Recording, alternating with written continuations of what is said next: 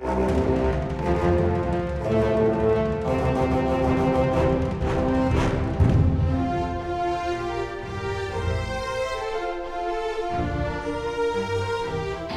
til Frankrike forklart, en podkast der du får svar på alt du lurer på om Frankrike.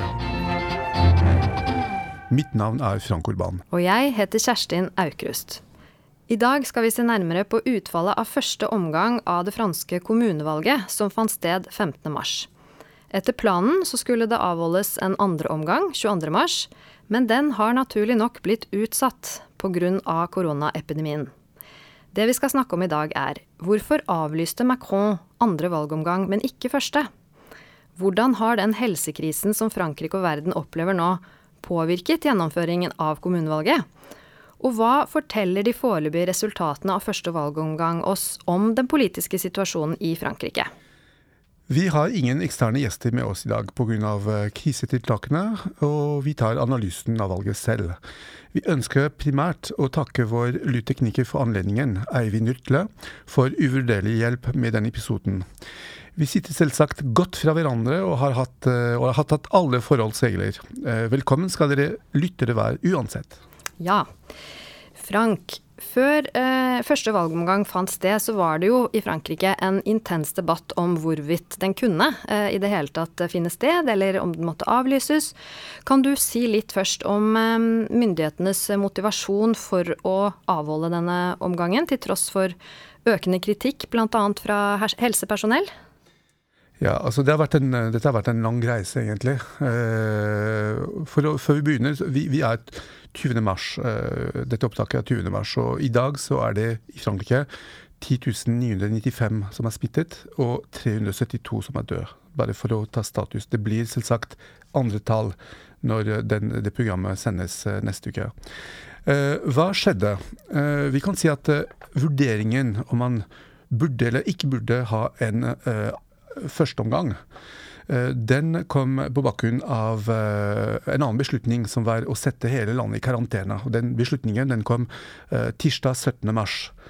Og Den beslutningen kom også som følge av en studie eh, som ble gjort av Neil Ferguson fra Imperial College i London.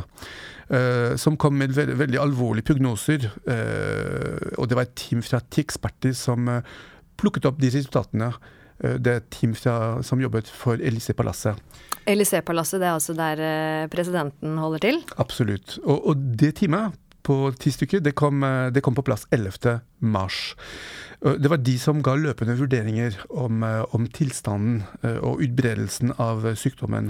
Og Det du snakker om nå, det er Macrons comité scientifique, altså en sånn vitenskapelig komité som han har brukt til å rådføre seg, ikke sant? Ja, og det var også veldig politisk viktig for han å vise at han tok utgangspunkt fra vitenskapsmennene og fra vitenskapen, og ikke fra et politisk ståsted. Men i hvert fall, dette, den komiteen den eh, kom med en vurdering. Og Vurderingen var jo at Frankrike uten drastiske tiltak ville ha et sted mellom 300 000 og 500 000 dødsfall. Uh, og den ble presentert for Macron uh, eh, 12.3. Uh, Dvs. Si bare noen timer før presidenten tok ordet for å forklare den, om den akutte helsesituasjonen i Frankrike. Så der var på en måte situasjonen på den ene siden en slags voksende en, en, stigende forståelse for at helsesituasjonen var veldig kritisk. Og på en annen side den politiske agendaen med et valg som man hadde jobbet med i over seks måneder, hvor enkelte politiske krefter, eh, f.eks. fra høyresiden, eh, insisterte veldig på at eh, omgangen skulle holdes, mens Macron selv var veldig skeptisk på bakgrunn av den tilbakemeldingen han fikk fra denne komiteen. Mm. Så dagen etter første valgomgang, mandag 16.3, så var det en ny TV-sendt tale fra presidenten der han annonserte at andre omgang var utsatt. Senere så la statsminister Edouard Philippe til at han hadde foreslått en ny dato um, for lederne i opposisjonen. Mest sannsynlig blir det da den 21. juni. Hva skyldes denne raske helomvendingen, og hva var det som gjorde at uh, den argumentasjonen man hadde holdt fast ved uh, til da, falt bort? Ja, og da må vi tilbake til saksgangen igjen. Uh, vi må tilbake til 12. mars, faktisk. For da snakket Da holdt Macron en tale til, til folket. Og han snakket og sa at dette var den, den, altså den alvorligste helsekrise på 100 år i Frankrike. Da må vi tilbake til, til spanskesyken i 1918-1919. Uh, og han kom med klar beskjed om at nå måtte noe endres i folks uh, vaner. Uh, at folk over 70 år burde unngå å gå ut, og at alle franskmenn måtte helst være hjemme og ikke gå ut Eh, med mindre det var strengt nødvendig. Så det var jo hans beskjed på den, den 12, 12, 12. mars. Og fredag 13. mars så ble det implementert. Eh, alle skoler ble stengt. Eh, og lørdag 14. mars klokka 24.00 alle kafeer, restauranter, kinoer ble stengt. Og hva så man da på søndag? Eh, spesielt i storbyene og i Paris, eh, man så at befolkningen ikke tok det på alvor. Det var fint vær, vet du. Det var veldig fint vær. Så de gikk ut og gikk og spiste piknik, hadde piknik i parker, og, og, og det, gjorde, eh, det, gjorde, regjeringen og Macron rasende. Fordi at han samtidig fikk jo en oppdatering fra helsekomiteen som sa at nå er situasjonen enda mer kritisk. Vi må iverksette drastiske tiltak. Så på, i, på bakgrunn av den manglende forståelsen for alvoret i situasjonen, så kom han ny, tilbake med en ny tale mandag kveld, hvor han gjorde det helt klart om at nå var, måte, nå var det over. Men det var jo også etter et visst press fra opposisjonen, da. For eh, så vidt forskjellige politiske ledere som Marine Le Pen fra ytre høyre og Yannick Jadot, leder for De Grønne, hadde jo gått ut og sagt at de anså det som helt umulig å ha en andre valgomgang. Og det var jo etter hvert en slags konsensus, egentlig, politisk, om at andre omgang ikke kunne gjennomføres. Og den kom ganske fort, egentlig. Den, ja. den kom samme kveld. Samme resultatene kom. Så, eh, og, og, debatten om andre omgang kom, kom, aldri egentlig i gang fordi at situasjonen ble så, så, så kritisk. Men uh, bare for å, uh, for å, gå tilbake til hva som skjedde. Det som skjedde, var jo at 14. mars, uh, dvs. Si før valget, egentlig, så, så snakket uh, statsministeren Roar Filip om en akselerering og en spredning av viruset. Og det var da man kom, dette, man kom ut med dette begrepet om sosial avstand avstand, distansasjon sosial, som var den beste løsningen for folk. Så, så, det var på en måte før omgangen. Og så kom Macron tilbake 16.3 med en ny tale, hvor han sa at torsdag 12.3 så advarte, jeg, jeg, prøvde å advare dere om, om, om alvoret i situasjonen, om at vi snakker om en sanitær krise, eh, og en alvorlig sanitær krise. Og, og hittil, så, og da siterer jeg han, hittil så var den for enkelte mer enn en fjern tanke. Ikke mer enn en fjern tanke. Den er nå en umiddelbar og presserende virkelighet. Så da var det da, da, måtte man stramme grepet uh, og innføre nye tiltak uh, på bakgrunn av uh, helsesituasjonen og, som du nevnte, den politiske konsensus om at noe mer måtte, måtte, til nå. Og denne talen som du snakker om, den sendte jo en sjokkbølge gjennom hele det franske folket.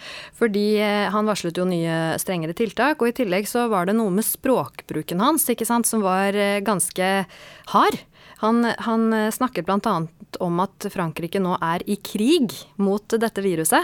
Kan du kommentere dette? Helt fantastisk. Eh, retorikken er jo, er jo, veldig spennende. fordi at det han gjør egentlig, for de som kan historie, fransk historie, han henter språkbruken fra venstresiden og fra høyresiden. Eh, du har sitater som eh, går tilbake til Clemenceau bl.a., eh, men også til, til den, den, historiske venstresiden. Så det han sa, han sa vi er i krig, en sanitærkrig. Han sa det seks ganger i løpet av talen. Vi kjemper ikke mot en hær eller mot en nasjon, men fienden er her, usynlig og umulig å fange, som stiger fram. Det krever vår full mobilisering. Hva lånte han av høyresiden? Han lånte, lånte retorikken om krig, om nasjon, om fedreland, om nasjonal kontroll. Han som er så eh, opptatt av EU-samarbeidet, eh, snakket om å stenge de nasjonale grensene igjen, eh, uten å ha referert eller konferert med, med EU-systemet. Venstreretorikken eh, den går mer på eh, diskursen om velferdssamfunnet, vekstpakke, og at alle skal bli, enten det er individer eller bedrifter, kan være sikre på at de vil få hjelp fra staten. Så han prøvde å bygge opp en nasjonal konsensus ved å forene venstreretorikken og høyreretorikken. Det er et uh, mesterstykke, egentlig.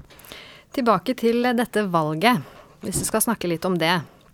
For det fant jo tross alt sted, da, første valgomgang 15.3. Eh, og jeg tenkte jeg skulle si litt eh, mer om hvordan det, den førsteomgangen ble, ble gjennomført i praksis. For det er klart at eh, koronaviruset hadde jo en, en stor effekt på, på, gjennomføringen. Og det ble satt ut antibac på alle stemmelokaler, og man ble bedt om å holde behørig avstand, gjerne ta med seg sin egen penn for å ikke eh, bruke samme penn av mange. Men, eh, men det var jo selvfølgelig ikke nok til å opprettholde en god valgdeltakelse. Så det vi har sett eh, generelt, er at eh, det er 56% snitt av hjemmesittere.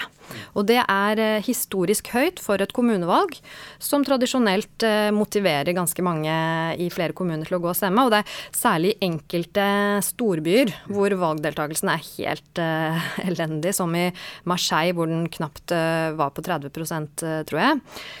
Og det er klart at det gjør jo noe med legitimiteten til resultatene også. Valgdeltakelsen ble jo også påvirket av at det var en, et par boikottkampanjer som gikk på sosiale sosiale medier, eh, også fra helsepersonell, så hvor man hadde sånn eh, hashtag 'rest chez toi', altså 'bli hjemme', eh, hvor, hvor, helsepersonellet mente rett og slett at det var uforsvarlig eh, for enkelte personer å, å, gå og stemme. Men hvis, hvis, vi kan ta et par byer ja, eh, og se på de foreløpige resultatene der En by jeg hadde lyst til å nevne fordi vi tok eh, den opp også i den episoden vi hadde med Raino Malnes i forkant av valget, som vi da trodde skulle foregå under litt andre omstendigheter. Det gjaldt eh, byen i Sør-Frankrike som heter Perpignan. Der snakket vi om at uh, kandidaten til uh, høyre, det høyreekstreme partiet Le Rassemblement National, eller det høyrepopulistiske partiet, uh, deres kandidat Louis Alliot lå godt an. Og det gjør han fortsatt etter første valgomgang. han fikk 36,5% av stemmene, og leder da klart foran sittende ordfører fra høyresiden. Mm. Og, og, det er klart, nå er det ikke sikkert at, at Louis Alliot kan vinne andre valgomgang gang hvis de andre partiene eh, danner en slags republikansk front mot han. Men han ligger i hvert fall bedre an enn en tidligere. Ja, for det er slik at Alle partier som har fått over 10% eller over 10% kan uh, gå videre og fusjonere og lage en fellesliste mot en eventuell uh, tredje kandidat. Nemlig. Og så er det et par byer som vi også snakket om sist, bl.a. Le Havre, som ligger i Nord-Frankrike. Og den byen var interessant fordi eh, statsminister Edouard Philippe da var eh, ordførerkandidat der. Han leder eh, klart etter første omgang med 43,6 8% foran kandidaten fra kommunistpartiet. Men det som er litt dumt for Edouard Philippe, er at forrige gang han stilte til valg i Le Havre, så vant han allerede ved første valgomgang. Og eh, nå, nå er, ikke, er, ikke, han like sikker egentlig på å vinne der eh, som han burde ha vært. Og det, det, blir jo interessant å se. Eh, hvis han taper, så vil det være mm. ydmykende, rett og slett. For Sist gang så snakket de om hvorvidt dette valget skulle være et nasjonalt valg eller et lokalt valg. Hva, ja. hva vil det bety egentlig hvis han, hvis han, ikke vinner? Da må han nok uh, også ta sin hatt og gå eh, som statsminister. Eh, fordi det vil bety at han ikke har den type folkelig oppslutning som han ønsker å vise at han har. Og en ydmykelse som Macron ikke kan stå inne for, rett og slett. Og vi ser at mange av de andre Eh, medlemmene av regjeringen som har vært ordfører, ordførerkandidater, eh, f.eks. budsjettminister Gérald eh, Darmanin, mm. vant ved første valgomgang og her på en måte har, har fått en, en, viss kredibilitet som følge av det. Så var det en del byer hvor det var noe overraskende resultater. Jeg kan ta et par eksempler på det. Det første er i Marseille. Der eh, lå det an til at uh, høyrepartiet skulle, skulle, få nok en gang uh, ordføreren. Men uh, foreløpig så ligger det an til at det er faktisk en venstreallianse av deres kandidat. En venstreallianse bestående av Kommunistpartiet, Sosialistpartiet og La France Insoumise fra ytre venstre, som, som ligger an til å ta, det, ta, den byen. Og det ville være en stor seier for venstresiden å vinne Frankrikes andre storby Marseille. En annen overraskelse er i Strasbourg. Eh, der var, eh, er det faktisk eh, kandidaten til De grønne, som har en allianse med kommunistpartiet igjen, som, som leder. En by som også har vært blå en god stund. I den generelle tendensen utover disse overraskelsene, det er at eh, de såkalte mer sortant, altså de, de, sittende ordførerne, de gjør det bra. Og det har å gjøre med at det er folk som man kjenner i kommunen. Man føler seg trygg på at ja, det går jo ikke så verst, vi fortsetter med det bestående. Og det ser vi bl.a. i Lille, hvor kandidaten til Sosialistpartiet, Martin Aubry, leder etter første valgomgang, og i NIS, der kandidaten til høyrepartiet, Christian Estrosi, leder stort etter første valgomgang. Så det er på en måte den generelle tendensen. Det betyr, også, det betyr også den store overgangen som man snakket om fra den gamle verden til den nye verden. Den, den fins egentlig ikke helt i kommunevalget. Det, du har mer det gamle tradisjonelle skillet mellom venstre og høyre som fortsatt består, ikke sant? Ikke sant, og, og jeg har sett at uh, i, i, de aller fleste kommuner der La République en Marche, altså partiet til Macron, har hatt uh, kandidater, uh, så gjør de det dårligere nå ved kommunevalget enn ved presidentvalget. Sånn at La République en Marche holder på å miste oppslutning, og klarer ikke å, å skape en sånn lokal forankring da, som de hadde håpet på. Så må vi jo selvfølgelig snakke om Paris, fordi Paris er spesielt viktig. Og der eh, var det jo eh, Der vil jeg også si at det var en, en liten overraskelse, kanskje. Det var jo noen, noen, meningsmålinger tett opp til valgdagen som viste at det var kjempetett løp mellom eh, sittende ordfører Anne Hidalgo fra Sosialistpartiet og kandidaten til Les Républicains, Rashida Dati. Og Dati var faktisk den som ledet knepent på de siste målingene. Men på første valgomgang, så var det slik at Anne Hidalgo hun fikk nesten 30% av stemmene foran Dati med 22. Så hun eh, Hidalgo fra Sosialistpartiet leder med 8 eh, foran Dati. Men samtidig så skal vi huske at eh, kandidaten til La République en Marche, tidligere helseminister Agnès Buzyn, som måtte ta over etter ja, en viss sexskandale, hun fikk 17 og, og vurderer faktisk nå å alliere seg med høyrekandidaten Dati. Og hvis det skjer, så vil jo det sende noen signaler som kan være få nasjonale konsekvenser, holdt jeg på å si. Så, um, men, men Buzan, du snakker om Buzan, altså, hun, eh, det, er, også mulig at hun tar en tidlig eh, pensjon ikke sant? Ja, ja, etter en uheldig, eller uheldig og ikke uheldig uh, uh, artikkel som kom i Le Monde på tirsdag, hvor hun kan du, kan, Vil du si noe om det? Ja, eh, altså Agnès Buzyn var jo da frem til for seks-sju uker siden helseminister og måtte ta over som ordførerkandidat i Paris, kanskje litt eh, mot sin egen vilje, da eh, den første kandidaten, Benjamin Grimaud, Benjamin Griveaux, måtte gå av som følge av en eh, privat sexskandale. Men det, det Agnès Buzyn har sagt nå i et intervju i etterkant, er at hun advarte statsministeren allerede i januar om at det ville bli vanskelig å gjennomføre valget pga. koronaviruset. Det skapte litt ubehag, for at hun varslet ikke da hun skulle. Mm. Og så varsler hun nå når man ikke skal gjøre det. fordi at krisetilstanden er så altså at 24.1 så sa hun at det var minimal risiko for spredning utenfor Kina. Eh, og, og, en uke senere så skal hun ha varslet statsministeren om, en, om at valget trolig ikke kunne, vil kunne holdes. Så det, det, er noe som spriker litt i hennes eh, ja. eh, tankegang, eller i hvert fall no, noe som skapte litt usikkerhet i det politiske miljøet. Ja, Muligens litt bitterhet òg, for at hun måtte gi fra seg posten som helseminister, og nå sitter igjen med svarteper, på en måte. Og tapte, og ja. kan ikke gå videre ved, ved Eller kan gå videre for så vidt, men må sikkert fusjonere eller gi fra seg stemmen sin. Men uh, det siste jeg hadde lyst til å si om, uh, om kommunevalget, uh, det er at vi snakket jo tidligere om at det er 35 000 kommuner ca. i Frankrike. Og faktisk, i hele 30 000 av dem så er valget allerede avgjort. Fordi det er en ordførerkandidat eller en partiliste som har fått over 50 av, av stemmene. og Eh, først så sa innenriksminister Christophe Castaner at disse resultatene faktisk vil bestå. Sånn at eh, det er bare i, i de 5000 kommunene hvor man ikke har en, en, vinner, eh, en absolutt vinner, at det vil bli nødvendig å avholde en andre valgomgang. Men så har det kommet beskjed nå i ettertid fra statsministeren om at, at de sitter sittende kommunestyrene, de sittende ordførerne, vil beholde verbene sine. I hvert fall i to måneder til pga. koronakrisen. De kan ikke samles.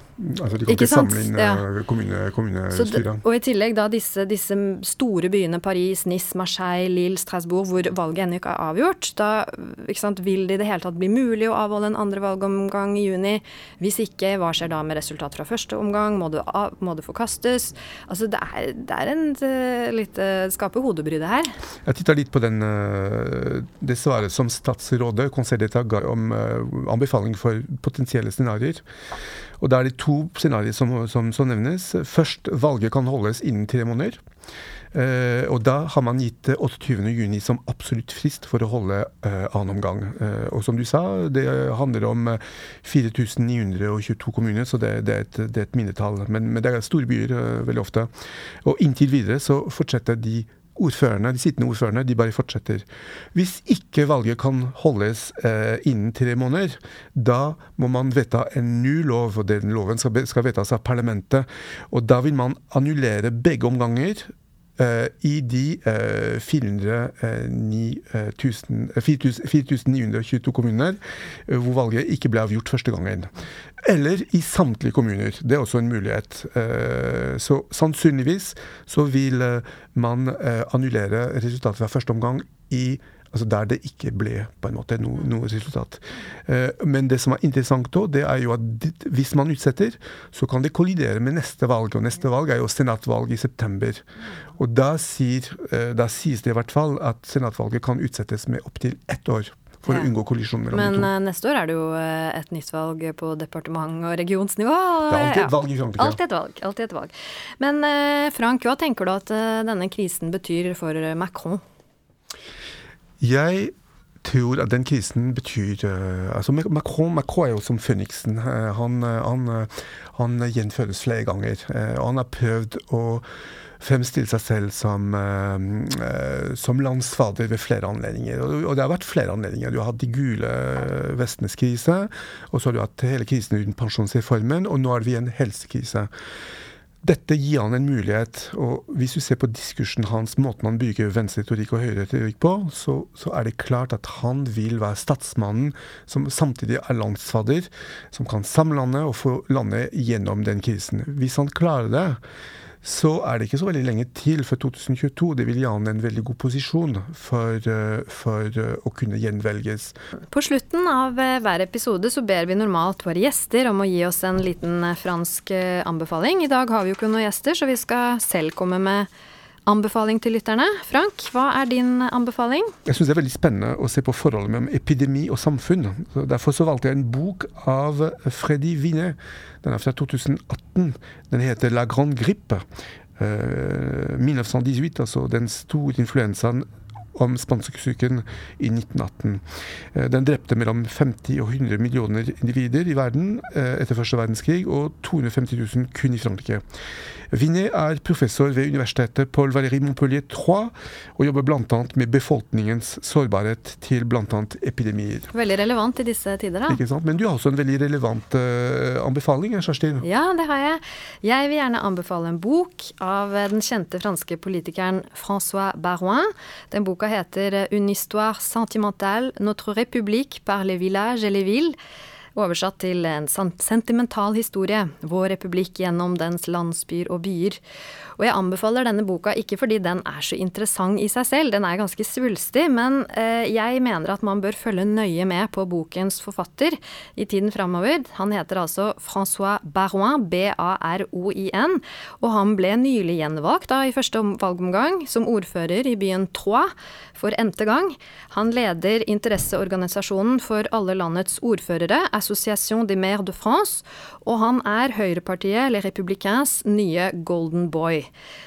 det er jo ikke det at han er så ny i seg selv, for han har jo bl.a. vært minister under president eh, Sarkozy. Men han er altså en av de heteste kandidatene til å være Høyrepartiets presidentkandidat i 2022. Og jeg spår, og da ber jeg lytterne høre godt etter, at han faktisk kan slå Macron i en duell mot han i 2022. Så han kan altså være Frankrikes neste president, og du hørte det først her på Frankrike forklart. Dette er veldig spennende, dette må vi snakke om uh, igjen senere. Men da gjenstår gjenstår det bare å si tusen takk for i dag. Vi høres igjen i neste episode av Frankrike forklart. Ta godt vare på dere selv så lenge. Au revoir. Denne podkasten er et samarbeid mellom Universitetet i Oslo og Høgskolen i Østfold. Abonner på Frankrike forklart på iTunes, Spotify eller på andre plattformer der du lytter til podkast. Har du kommentarer til oss eller forslag til temaer vi bør ta opp, kan du sende inn det via vår Facebook-side Frankrike forklart. Her vil du også finne informasjon om dagens episode.